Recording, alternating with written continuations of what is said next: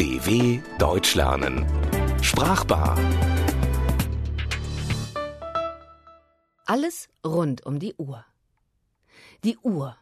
Sie tickt oder sie ist lautlos. Mancher lebt nach der Uhr, mancher kommt jedoch ganz ohne sie aus. In Deutschland gehen die Uhren zwar gleich, dennoch gibt es unterschiedliche Zeitzonen. Hören Sie, wie die Zeit vergeht? Geht es Ihnen auch auf den Wecker, wie dieses Ticken Ihren Alltag bestimmt? Sie haben doch in der Zwischenzeit bestimmt schon einmal heimlich einen Blick auf die Uhr geworfen, um festzustellen, wie spät es ist. Und? Wie viel Uhr ist es? Der Blick auf meine Uhr sagt, es ist 17.45 Uhr, also Viertel vor sechs. Aber stimmt das auch? Nicht unbedingt, denn es gibt in Deutschland unterschiedliche Zeitzonen.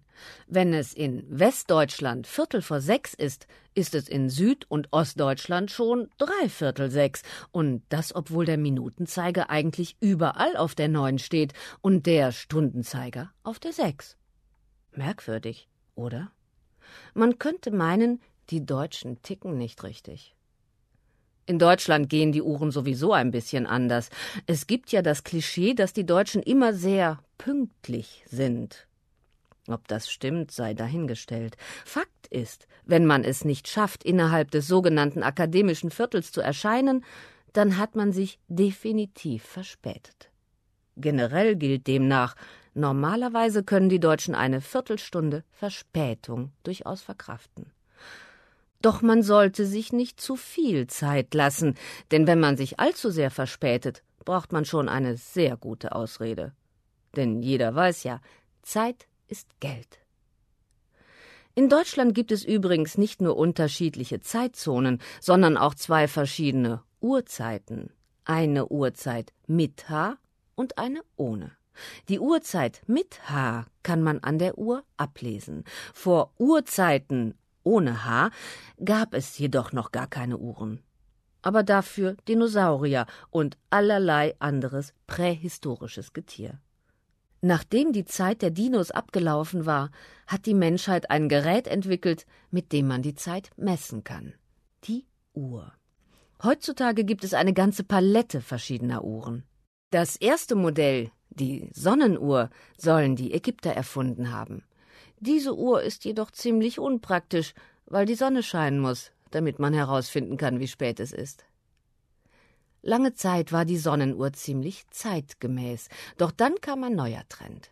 Die Sonnenuhr wurde abgelöst von der klassischen analogen Uhr. Sie funktioniert auch ohne Strom, hat ein Ziffernblatt sowie einen Stunden-, einen Minuten- und manchmal auch einen Sekundenzeiger. Die Zeiger drehen sich im Uhrzeigersinn Uhren mit Zeigern, die sich andersherum entgegen dem Uhrzeigersinn drehen, gibt es ganz selten. Und dieser Minutenzeiger an der Uhr hat es in sich. Wer verfolgt nicht mit Spannung, wie er sich zum Beispiel an Silvester Minute um Minute auf die Zwölf zubewegt? Oder wem schlägt das Herz nicht bis zum Hals beim Betrachten des Western-Filmklassikers Zwölf Uhr mittags? Englisch High Noon, in dem das Vorrücken des Zeigers oder das sich bewegende Uhrpendel einem den Angstschweiß auf die Stirn treibt. Me, oh Eine bei den Deutschen besonders beliebte Uhr ist natürlich die Kuckucksuhr. Die Wanduhr hängt meist im Wohnzimmer, in dem auch manchmal eine Standuhr zu finden ist. Beim Blick aus dem Fenster fällt einem sofort die Kirchturmuhr ins Auge. Und Opa trägt auch heute noch voller Überzeugung seine altmodische Taschenuhr. In der Küche findet man eine Eieruhr oder auch eine Sanduhr. Und im Schlafzimmer befindet sich eine besonders verhasste Uhr, der Wecker. Der klingelt bei manchem Zeitgenossen immer viel zu zeitig. Um unterwegs über die Uhrzeit informiert zu sein, eignen sich besonders Armbanduhren, von den Handyuhren einmal abgesehen. Handyuhren zählen natürlich nicht mehr zu den analogen Uhren, sondern zu den digitalen. Digitale Uhren haben keine Zeiger, aber dafür Ziffern. Besonders praktisch sind auch Funkuhren. Uhren. Sie braucht man nicht zu stellen oder aufzuziehen. Sie gehen nie vor oder nach. Sie zeigen die Zeit immer ganz genau an, denn sie richten sich nach der Atomuhr. Die wiederum muss man nicht zum Uhrmacher bringen. Sie funktioniert nämlich besser als ein Schweizer Uhrwerk. Auf sie ist immer Verlass. In guten und in schlechten Zeiten. Ach, wie die Zeit verrinnt. Sie ist wirklich wie im Flug vergangen. Das sagt mir zumindest meine innere Uhr. Aber mein Zeitgefühl hat mich manchmal auch schon getäuscht. Manches Mal dachte ich, dass mir kostbare Zeit gestohlen wurde. Vielleicht ist es aber auch umgekehrt, und ich bin auch nur einer der grauen Herren aus Momo, dem berühmten Roman von Michael Ende, die ihre Existenz dem Bestreben der Menschen verdanken, so viel Zeit wie möglich einzusparen? Ein Leben nach der Uhr? Für stoische oder ständig unpünktliche Menschen ist das undenkbar. Sie gehören zu der Fraktion der Armbanduhrverweigerer. Sie kümmert weder das akademische Viertel noch die entsetzten Blicke einer wartenden Gesellschaft, wenn sie endlich mal eintrudeln. Sie würden, wie ein Sprichwort sagt, selbst zu ihrer eigenen Beerdigung zu spät kommen.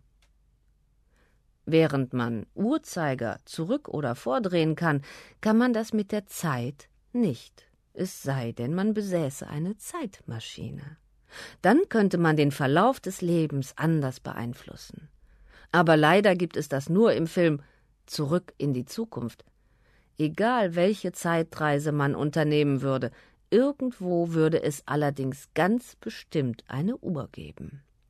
Nur auf einer Reise bleibt die innere Uhr stehen, dann, wenn unser letztes Stündlein geschlagen hat, wenn wir das Zeitliche gesegnet haben.